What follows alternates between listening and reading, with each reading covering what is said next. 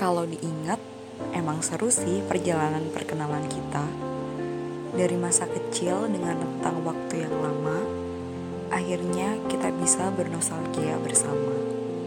Cuma, rasanya aku mulai bingung.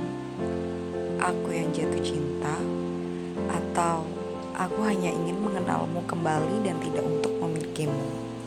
Hmm, ya, untung saja pertanyaan perihal perasaan tidak pernah kau lontarkan, sehingga aku tetap merasa baik-baik saja. Hehe.